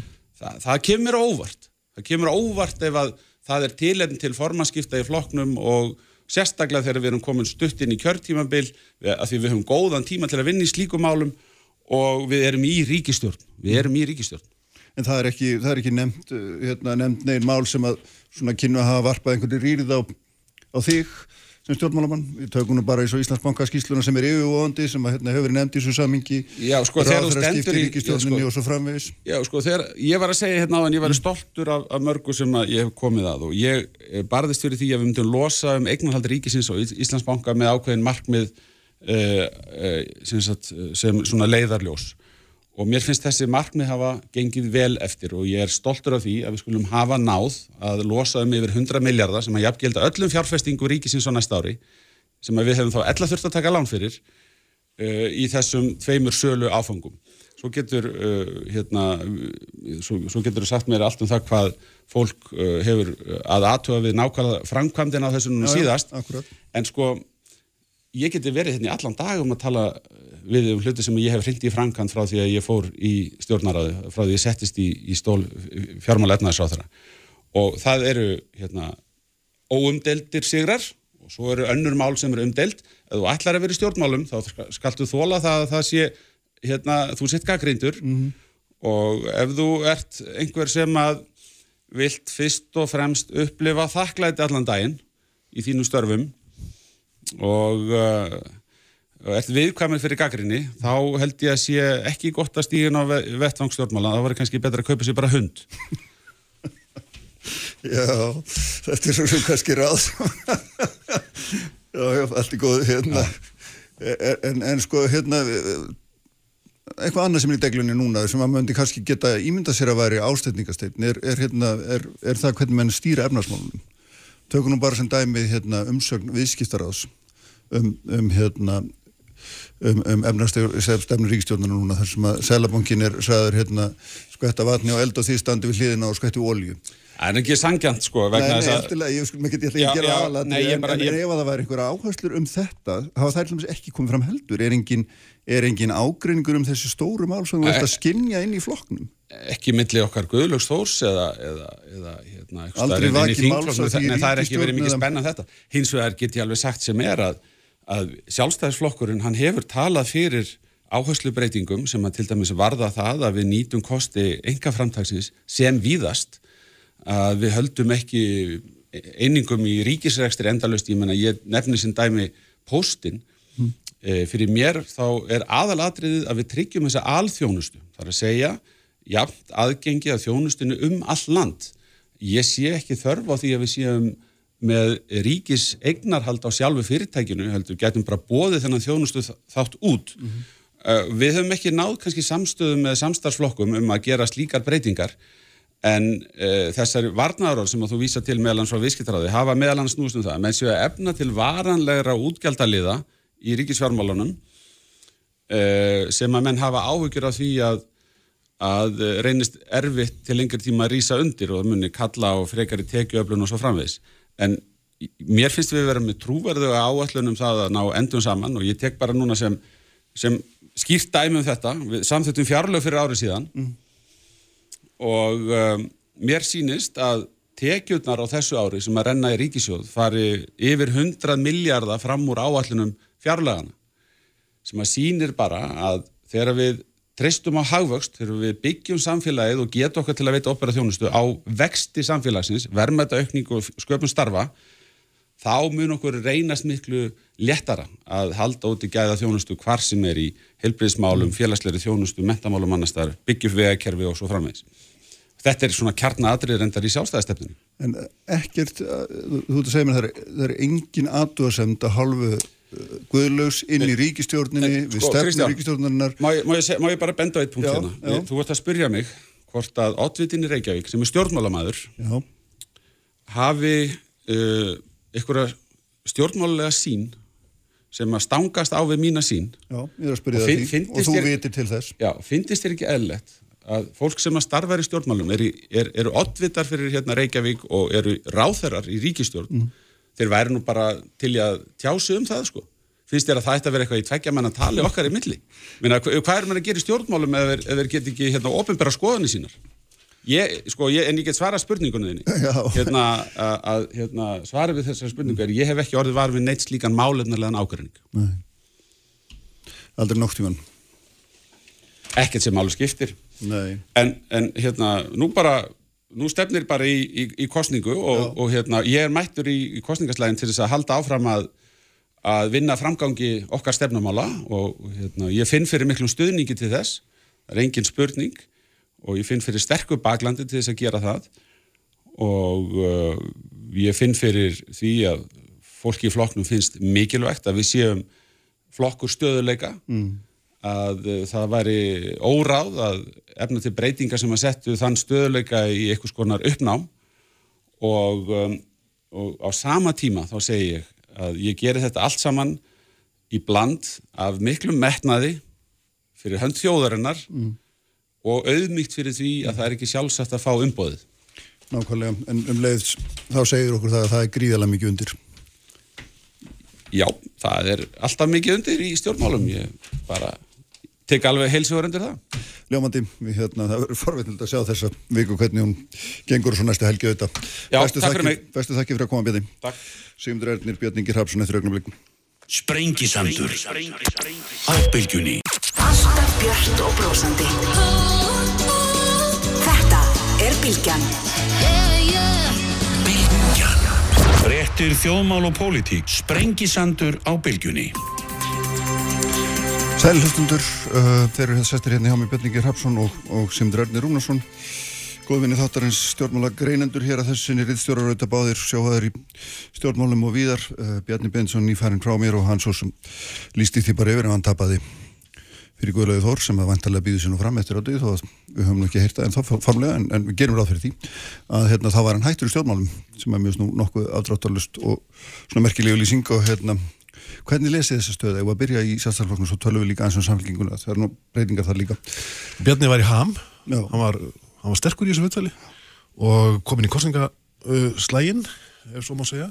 Uh, þetta er náttúrulega augrandi fyrir hann að fá mótframbóð, búin að vera bráðum í 15 ár sem formöður og uh, hefur um örguleiti staðið sig vel, ég menna hann hefur komist uh, sko ótrúlega vel með við aðstæður í gegnum sinn fyrir á, á formannstóli þó að pusa hafi reglulega mm. Uh, yfirbörða maður í efnahagsmálum þegar kemur að greiningu á, á þeim vanda sem þar blasir við og, og, uh, og þetta verður uh, á brattan að sækja fyrir Guðlu Þór. Þetta er ekkit sjálfgefið, hann leggir sitjandi forman og ég held að ef maður lesi sjálfstæðisflokkin sem slíkan þá er nú ekki til síðs að fella sitjandi forman Nei. og ég held að það verður svo litið stefið sem Guðlu Þór þarf að berjast við. En þetta er spennandi, ég menna við sem hefum áhuga á pólitík og, og fjölmiðlum við erum í essinu okkar. Já, hvað segir þú Bjarni, hvað er litnað stöðum? Ég, ég er bara sammálið þessu, það var líka greinilegt sko að, að mér finnst Bjarni sterkastur í, í, í þessum ham sem hann var í. Akkurat. Þá greinilegt að þeir voru búin að tala það fór nú ekki Hann viðkendi það að er alveg augljóst hvað, hvað þeim fór í milli og, og, og, og hérna fórmæði sjálfstæðsfólkinu var komin hérna til þess að berjast. Já. Hann var búin að bretta upp ermarnar og hérna ætlar að taka þennan slag og og sagði uh, svona svona að sletta á ennsku take it or leave it, ég hættur ef, að, ef mm. það tekst ekki, sem að mér finnst mjög eðlilegt. Eins og eru þetta fordæmi fyrir uh, svona slagsmálum, þetta getur farið þetta getur styrt flokkin þetta getur farið mjög illa með hann. Uh, slagurinn millir Gunnars og Geiss og svo setna Davids og Þorsteins uh, var hadramur og hafði miklar afleðingar Þorstein held hins vegar áfram. Já, já. og uh, en eins og held ég að þessi eðlilegt bara í ljósi þess sem að hversu lengi Bjarni hefur verið í þessu og kom nú því að kurtislega, hann væri nú samt yngri sem var nokkuð stærn bara svona til þess að hafa það á reynu að, að þetta væri mikið nýra en svo. En, en, en, en þá sagðan þá er auðvitað bara komið kall frá flokksfólki eftir, eftir nýju blóði og þá, þá, þá svara ég því. Hins vegar er ég alveg samálað því. Það þarf mjög mikið til þess að en venjulegi sjálfstæðismæður landsfundarfulltrúi, þeir sem eru ekki í hörðustu klíkunum mm. eh, sikkur megin, að þeir sit, felli sitjandi forman, það þarf mjög mikið mm. til þess. Um, en þetta verður bara mjög aðdeklisvægt nú held ég að engin muni á næstu dugum komast upp með það að sitja á gyrðingunni það er frækt í pólitík að sitja á gyrðingunni og vil ekki taka afstuð í ennum málum. já, já það, menn komist ekki upp með það. Þú ferðu öðru hvori megin og, og, og þá þurfa menn að vega og meta framtíðina og, og hvori megin þeir vilja vera. Það er, það er svona eins og nefnir og hérna, hann sagði náttúrulega skínum orðum að bjarni að sko, það er tekit á lífið. Þið kjósið mig að ég er farin. Já, en, en, en hvað verður þá um hinn ef hann tapar? Já það, sko, það... hann hefur alltaf vinna hann gati, með það, það atbyrður sem hefur teiknast upp að gata hann ekki annað en gert þetta. Ég held að hann að veri búin ef hann hefði látið umræðin að gerjast og hætt svo við. Mm. Uh, hann hins vegar hefur ekki svo miklu að tapa ef hann tapar vegna þess að þá er hann kannski samt með 25-35% fylgi á landsfundi er mjög, með mjög sterkar stöðu og mm. uh, er búin að gera það verkum að það verður kannski erfitt að ganga fram hjá honum eða verða hann ekki mm. viðlits no. uh, og honum hefur fundist hann ekki virtur nægilega mikið að það væri tekið tillit til hans fórustu sveitin væri of eintóna of mikið í kringum bjarnabenn og svo framins þannig að þarna var reykjuð upp einhvers konar rama kvein, ég held að hann hafi metið það svo kannski úr þessum aldrei sem Bjarni var að vísa til að þetta veri síðasti strætóin. Mm -hmm. ef hann tækja hann ekki að þá getur komið einhver ári viðbútt, það væri varaformæður og þá myndi taka við, þetta væri annarkort þessi strætó eða ekki strætó. Mm -hmm. Ég samála þessu, sko, Guðlúð Þór gati ekki annað en tekið slægin núna. Mm -hmm. hann er náttúrulega búin að ganga með formannin í maðurinn frá því að hann var í mentarskólum Akkurí, 16 ára gammal og sko, það er lett í pólitík, ég menna pólitík snýst um völd og, og áhrif og það eðlast að í stjórnmálum er að menn sækist eftir áhrifum. Uh, nú er tími Guðlós komin að hans mati. Hann getur ekki látið þennan strætt að fara fram hjá sér vegna þess að uh, það myndi lýsa politísk, politískum gunguhætti af hans hálfu og hann veit það sjálfur. Uh, hann hefur innistæði til að bjóða sig fram. Hann hefur verið farsæl í sínum stjórnmálum mjög lengi. Það hefur ekki skvest mikið á Guðlós Þór í gegnum pólitíska tíð hans. Uh, hann var mjög farsæl sem utverkjarsáðara tók ekki litlu slæðina heldur hófs yfir þá. Uh, var mjög málefnarlegu sem ráð þeirra á þeim tíma og stekkur inn í nýtt ráðunni til loslas og umhverfismála af mikillir festu og öryggi. Og maður tekur eftir því að í hans stjórnmálastöðum þá er hann örugur það er ekkit fát á Guðlúið Þór. Uh, hann kann fæð uh, og svona mér hefur fyndist að verða settlegri í sinni pólitík eftir sem árin hafa liðið þannig að hann á þessa innistöðu á samt því náttúrulega að vera feikilega leikin í pólitík. Hann á óbáslega stert og uh, vandlega uppsett bakland ef svo má segja, uh, sennilega besta bakland af stjórnmálamum sem nú er við líði og uh, hann á mjög góð tökka í susurum, mm. sambandi ungra sjálfstæðismanna, þannig að hann á alveg von, getur gett sér vonir um að fella sitjandi formann mm. þó að það verði á marganátt erfitt fyrir hann vegna þess að það er ekki til sig sjá sjálfstæðismannum að vaða í sitjandi formann sinn en, eh, en eh, ég held sko að þó hann tapi þá mun hann geta eh, haldið áfram uh, ennum sinn, uh, hann á einfallega það stærst bakland, hann er auðvitað náttúrulega oddvit í sjálfstæðarmanna í Reykjavík þó að fylgi þar hafi dala öðru Reykjavík kvörtumann og, og hafði betur gegn Áslögu Örnu í, í prókjörun á sín tíma, þannig hann á mikið inni, en Bjarni sömuleiðis innan síns floks og hefur hef stuttum með ráðamátt á þar allt frá því að hann tókst á við Hönnubirnu Kristjánsdóttur á sínu tíma, ja. þar fór kostningin 45-55, þannig að hann uh, hafði þar betur en, en, en Hannabirna hafði mikið inn og ég hef trú að því að, að Guðlúð Þór hafi ekki fylgi sem er undir 40%. Ég held það. Nei, þetta er, þetta er, þetta er, þetta er bara mjög aðdeklisvægt og, og Guðlúð Þór er, hefur sínt að hann er, hann er mikil eh, barátumadur, hann er miklu duglegri heldur en uh, fólk hefur almennt gert sig grein fyrir hann er með miklu meiri ítöku hverfafjölugum og, og mm. sem skiptir máli af því þetta er ekki höfbundin kostning mm. þetta, er, þetta er kostning með landsfundar fulltrúa sem hafa síðan verið valdir eftir ákveðin kerfi. já, já, og, og, og það skiptir máli. Síðan er hann bara svona political survivor eins og maður segir á ennsku hann, mm. hann hefur lifað af sko, já, svo mörg barnatilræði að maður man, getur ekki eins og þulluðu öllu sko. hann að bytna yllugi og ég menna lifði af prófkjörs uh, svona styrkjamál sem að aðrir hefðu ekki mm. lifað af og svo framvegist, þannig að hann hefur svolítið eins og Bjarni til hengu til þess að vera með einhvers konar teflon sem mm. er nú ekki lítið, lítið verðvægt og, og hugsa þetta í lengri tíma heldur hann skemmri þannig að þó hann hafa orðið fyrir áföllum að þá heldur hann áfram og, og, og nær fyrir stöð Já. Þetta er hérna, þetta er gríðalega áhugavert og svo sem, sko það komna hérna Bjarni að það verður smengin að hann mistóst ekki nefnt eitt málefnulega nágrinning þannig þetta er auðvitað fyrst og náttúrulega bara kostningum Jú, en hver... Guðlúð Þór hefur sagt það svo sem að, ja. að þetta snúist um eh, að, að sjálfstæðisflokkurinn endur heimti fyrir stöðu í íslensku stjórnmálum mm. hann hefur sagt að núverandi fylgi sé eitthvað sem engin sjálfstæðismann getur sætt sér við hann er þá vantarlega að segja að hann sé líklegri til þess að draga meira að heldur en núverandi formaður Já, það eru stóra orð og, og, og þá er eins gott að hann geti fært einhvers konar rauk fyrir því og, mm. og staði undir því ef að til þess kemur. Já, Ég held að sko Guðluð Þór muni tala fyrir breyðari ásýnd flokksins. Við tökum eitthvað því að, að nýr formaður samfélgingarna talar fyrir breyðari ásýnd samfélgingarnar og ég veist að Guðluð Þór fari sömu leið. Við sínst sko flokkurinn undir stjórn Bjarnar Bendisson hafa orðið heldur íhaldsamari, heldur en sko breyðari stjætt með stjætt og, og, og allir saman.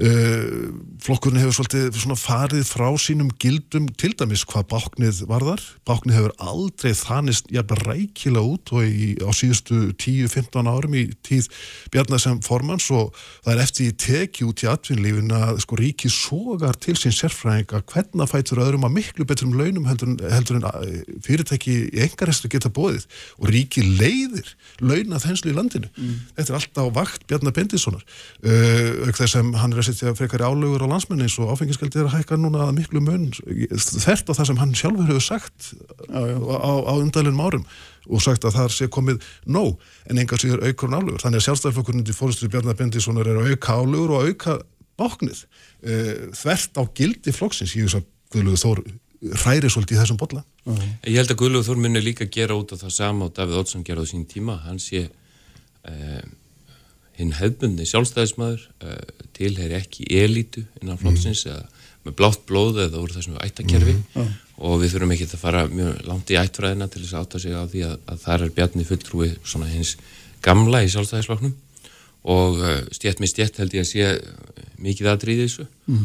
og, og svo þessi bara breyðar í skýrskotun en, en svo verður þetta bara val á milli tveggja manna og það er það sem getur gefið stjórnmáluflokkum mikið líf, Mhm. prófkjörslægir og, og formannskostningar en það getur líka verið alveg gríðarlega hatramt persónulega Já. vegna þess að ef að málefna ágreiningurinn er ekki til staðar eins og þú segir, þá er þetta val milli persóna, það getur skekið fjölskyldur, vinahópa og svo framvegis það er miklu erfiðar, miklu erfiðar miklu erfiðar að takast á innan flokka heldur en með aðra flokka eða pólitíska Og ég held að þetta verði þannig á næstu dögum að margir, mjög margir framamenni sjálfstæðarflokknu láti ekki ná í sig. Nei.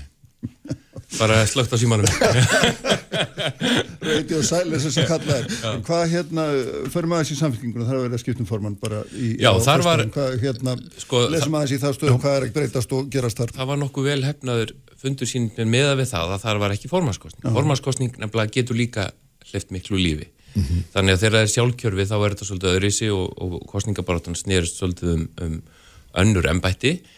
En þar veikur samt aðtikli að það er bara öllu skipt út.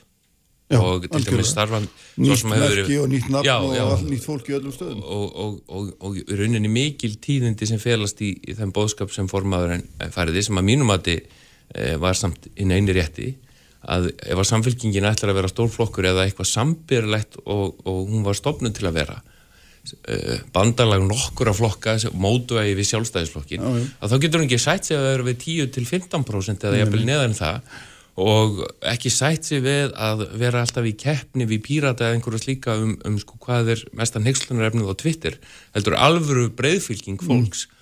Og það er það sem hún var að segja vera í stórumálunum vera í svona lífskoðunum fólks en ekki í einhverjum einstökum kreddumálum og fast þar þannig að hún var með mjög mikla svona leiðtúaræðu Uh, eitthvað sem að Ingeborg Sólurinn og Össur hefðu getað sagt á síðan tíma, finnst mér. Átni Páll reyndi að segja það en, en hann var svo nálagt í óhönnu að þegar hann fór að tala um að samfélkingin einn gæti nú ekki breytt stjórnarskráni að þá fjall hann bara í greittan í arfi. Þó að hver einasti maður sem hlusta á það vissi að það væri rétt í honum. Já, Þetta, já, ég tek undir með sessunetti mínum að, að Kristján komst einstaklega vel frá þess að fundi og Guðmundur Átnir sömulegis, þetta er mjög stert tví eiki, þroskaður maður á góðum stað í lífinu sem reyf upp fylgi í hafnafyrði, kemur hann aftur inn í pólitíkina með svona milda yfirvegað ásýnd, Kristrún hæfilega kvatvís mjög málefnarleg og tala fyrir breyðari ásýnd flokksins sem sko er það eina rétta í stöðinu, við meðum ekki glemma því að, að samfélgingin var sko 2009 20 manna þingflokkur ásand vinstri grænum sem þá voru 14 manna þingflokkur. Mm. Vinstra fylgi var augljóst eftir hrun og það þarf ekki að deila um það. Samfélgingin fór niður í þryggja manna þingflokk á tíðanbili. Hann átti engan þingmann í Reykjavík eða Kragan. á, á höfuborgsvæðinu, hvarf Hann hvarf. Þannig að við erum að tala um sko hamfara skeið í, í tíma samfélgingarinnar. Uh, þetta, það eina rétta sem Kristrún getur gert er að, er að breyka ásýnd flokksins. Hvað Taka nú- þýðir það það að, það þýðir að hleypa fleiri fólki inn í flokkin alveg á sama hátt og sjálfstæðarflokkurinn hefur leikið í sinni pólitíki um langt árabil og, og gerði hvað best þegar hann var stæstur gleymið því ekki, hann var með 60% fylgi í Reykjavík 1990 uh, þannig að, að hann þarf að tala svolítið fyrir sko, reynir bara stjætt með stjætt er þessi, þessi stórflokka hugmynd er hún ekki búin?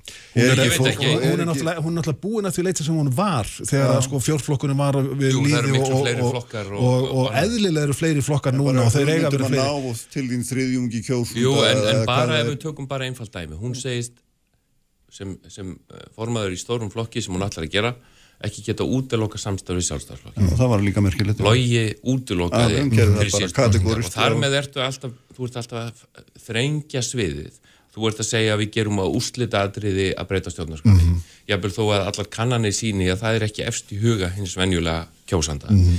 uh, Evrópussambandsaðildin er ekki lengur algjört úslita atriði Mhm. það þýðir að það eru ymsir kratar sem að kannski voru tvístigandi í þeim öfnum sem geta hugsað, heyrðu, þetta er nú samt minn flokkur Mhm. Já, já.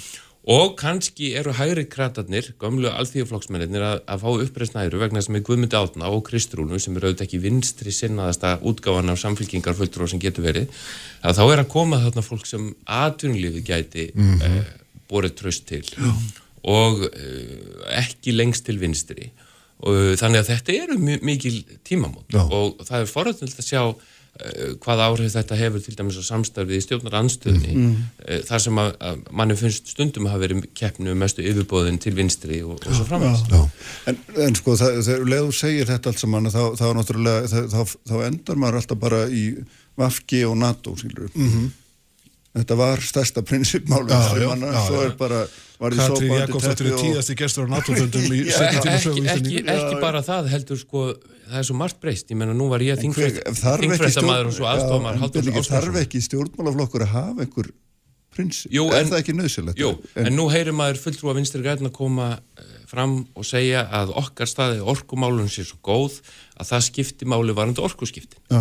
og ég þekki það sem fyrirhandi aðstofamæður sko formans framsólflóksins Mm. og síðan þingfrættamæður að það var ekki tekin svo umræða í þinginu um virkjanir í 20 ár á þess að Vafki væri á móti hverju einustu virkjun sem átt að gera. Mm. Þeir eru að koma núna og fórsettir á þeirra meira svo alþjóðavettvangi að hæla sér að því hvað við höfum staðið okkur vel í að Akkurat. nýta endurlega orku Mm. og maður veit stundum ekki hvað maður heitir og svo þetta með NATO. Þannig að jú, prinsipin ætti að vera til staðar en, en hvar eru þessu prinsip og þau eru ekki líka flokkar að endurnýja sig og segja og gera upp við mál sem að þeir eru þó auðvitað búin að breyta. En manni sýnist sko vafki fara alltaf á fundi segja við erum á móti NATO en halda svo áfram NATO-samstarfinu eins og það er bara eins og sé alveg tví klófið En samfélgingin þarf svolítið að tala sko bæði inn í sjálfa sig og út fyrir sjálfa sig. Og ég held að Kristó muni gera það í sinni politík og ásand Guðmyndi Átna og fleiri fórstumennum í flokknum, nýjum fórstufólki í flokknum. Og uh, Kristó þarf held ég að tala meira fyrir henni klassísku gildum jafnaðastefnar sem er kvennfrelsi tala fyrir mannréttindum og tala fyrir sko almennum kjörum fólks í landinu, hvað var það, mentun, heilsu, kjör og ekki síst húsnæðismál. Húsnæðismál hafa alltaf verið, finnst þér okkar verið góði vinur lögin svona ekki hafa gert þetta? Logi hefur náttúrulega bara, verið- og í- lífróðri fyrir sko flokknum og, og kannski ekki náðunum saman sem skildi að auðvitað sko, við mögum ekki gleyma því að- Logi varð óvart varaformaður flokksins. Og ennþá sko, ennþá meira óvart kom hún sjálfum fyrir sjónir að verða formaður flokksins. Þannig að hann kannski leit aldrei á sjálfan sig sem sko framtíða leiðtóð flokksins, hann var ákveðið millibils ástand og viðkynna það sjálfur og hefur gert í viðtölum. En, eh, en uh, hann var mjög vinsall innan flokksins og var gó, góð svona eh, gott millibil mm. frá því að flokkurinn var hvað stæstur og, og til þessa tíma sem, sem, sem hann er að rýfa sig upp í kannski betra og meira fylgi. Uh, og við skulum alveg taka of fyrir loga fyrir að hafa náð þó þessum tíma. Hann, það er engin formað flokksins sem hefur verið jafn lengi og hann í ja, samfengingunni vel að Nei, merkja. og, og, og bara góð manneskja. Já. fýtt náungi og, og ég held að það hefur skipt bara máli að, að, að, að hérna, taka við ótrúlega erfiður stöðu og reyna að byggja sig upp, upp frá því og, og, og hérna, auðvitað að það er allt hægt. En hvað með svona hérna, stutt eftir en sko það að koma inn í stjórnmál sem Kristún gerir mm. svo örstutt stíðan síðan stökk við fyrsta sæti Reykjavík verða formaður innan nokkura mánuða maður gæti annars vegar tólka þetta sem hérna, það að hún væri frábær eða maður geti sagt líka það hlýtur að vera mjög mikil fórustu kreppa Jó, ég held að það hefur verið fórustu kreppa og svo skilst mér að, að hún sé alls ekki að vinsal í þingflokki samfélkingarnar eins og í flokknum almennt Mhm. og það auðvitað segir manni og það er gamla sagan í pólitík sá sem skýst upp með metraða hann er ekki að gera alla ánægða sem Mhm. hefðu kannski vilja vera í þessum sporum það bara blasir við Já. Og ef það kemur síðan allt í einu þessi setning eins og var sagt um hana að loks- loksins sé komin kona innan samfélkingarna sem hafi vitað efnahagsmálum Eh, Katrín Júliusdóttir og Odni Haraldóttir voru báðar fjármálur á þeirrar Mhm. sko menn vera já, hann- eh, sko menn vera að passa sig að, að já. hvað er sagt vegna að, að, að hérna, það er nú ekki eh, þú veist, hlutirnir er ekki alveg svona einfaldir. En það er oft en hún mun ekki bara eignast nei, skulum áraða þannig. Það er oft erfitt að vaksa hratt í pólitík og það hefur verið skeinu þetta fyrir marga en ég hef trú á því að, að Kristún hafi pólitísk einustæði til þess að vaksa og verða farsæll og sterkur uh, fóringi í samfengingunni og, og auka vægi flokksins uh, á komandi árum. Hún hefur alltaf byrjuð til þess og hefur sínt á sannaða að hérna, hún er mjög fær í þeim málum sem hún hefur tekið sig fyrir hendur talar um efnaðasmála á mannamáli og, og hérna, þannig að almenningu skilur. Og þetta mun fylginni held ég til farsældur Þetta var hinn dölbúna auðlýsing um mannamál. Sem drærni stýrir annari stöðu þeirri, drengi mínir, innilega þakki fyrir að koma. Gott að fá okkur og gaman eins og æfinlega Ívar Davíð Halldórsson var á tökkunum eins og alltaf. Allt efni bilgjan.is, vísi.is og bilgjappinum við erum með ykkur hér aftur eftir viku, verið sæl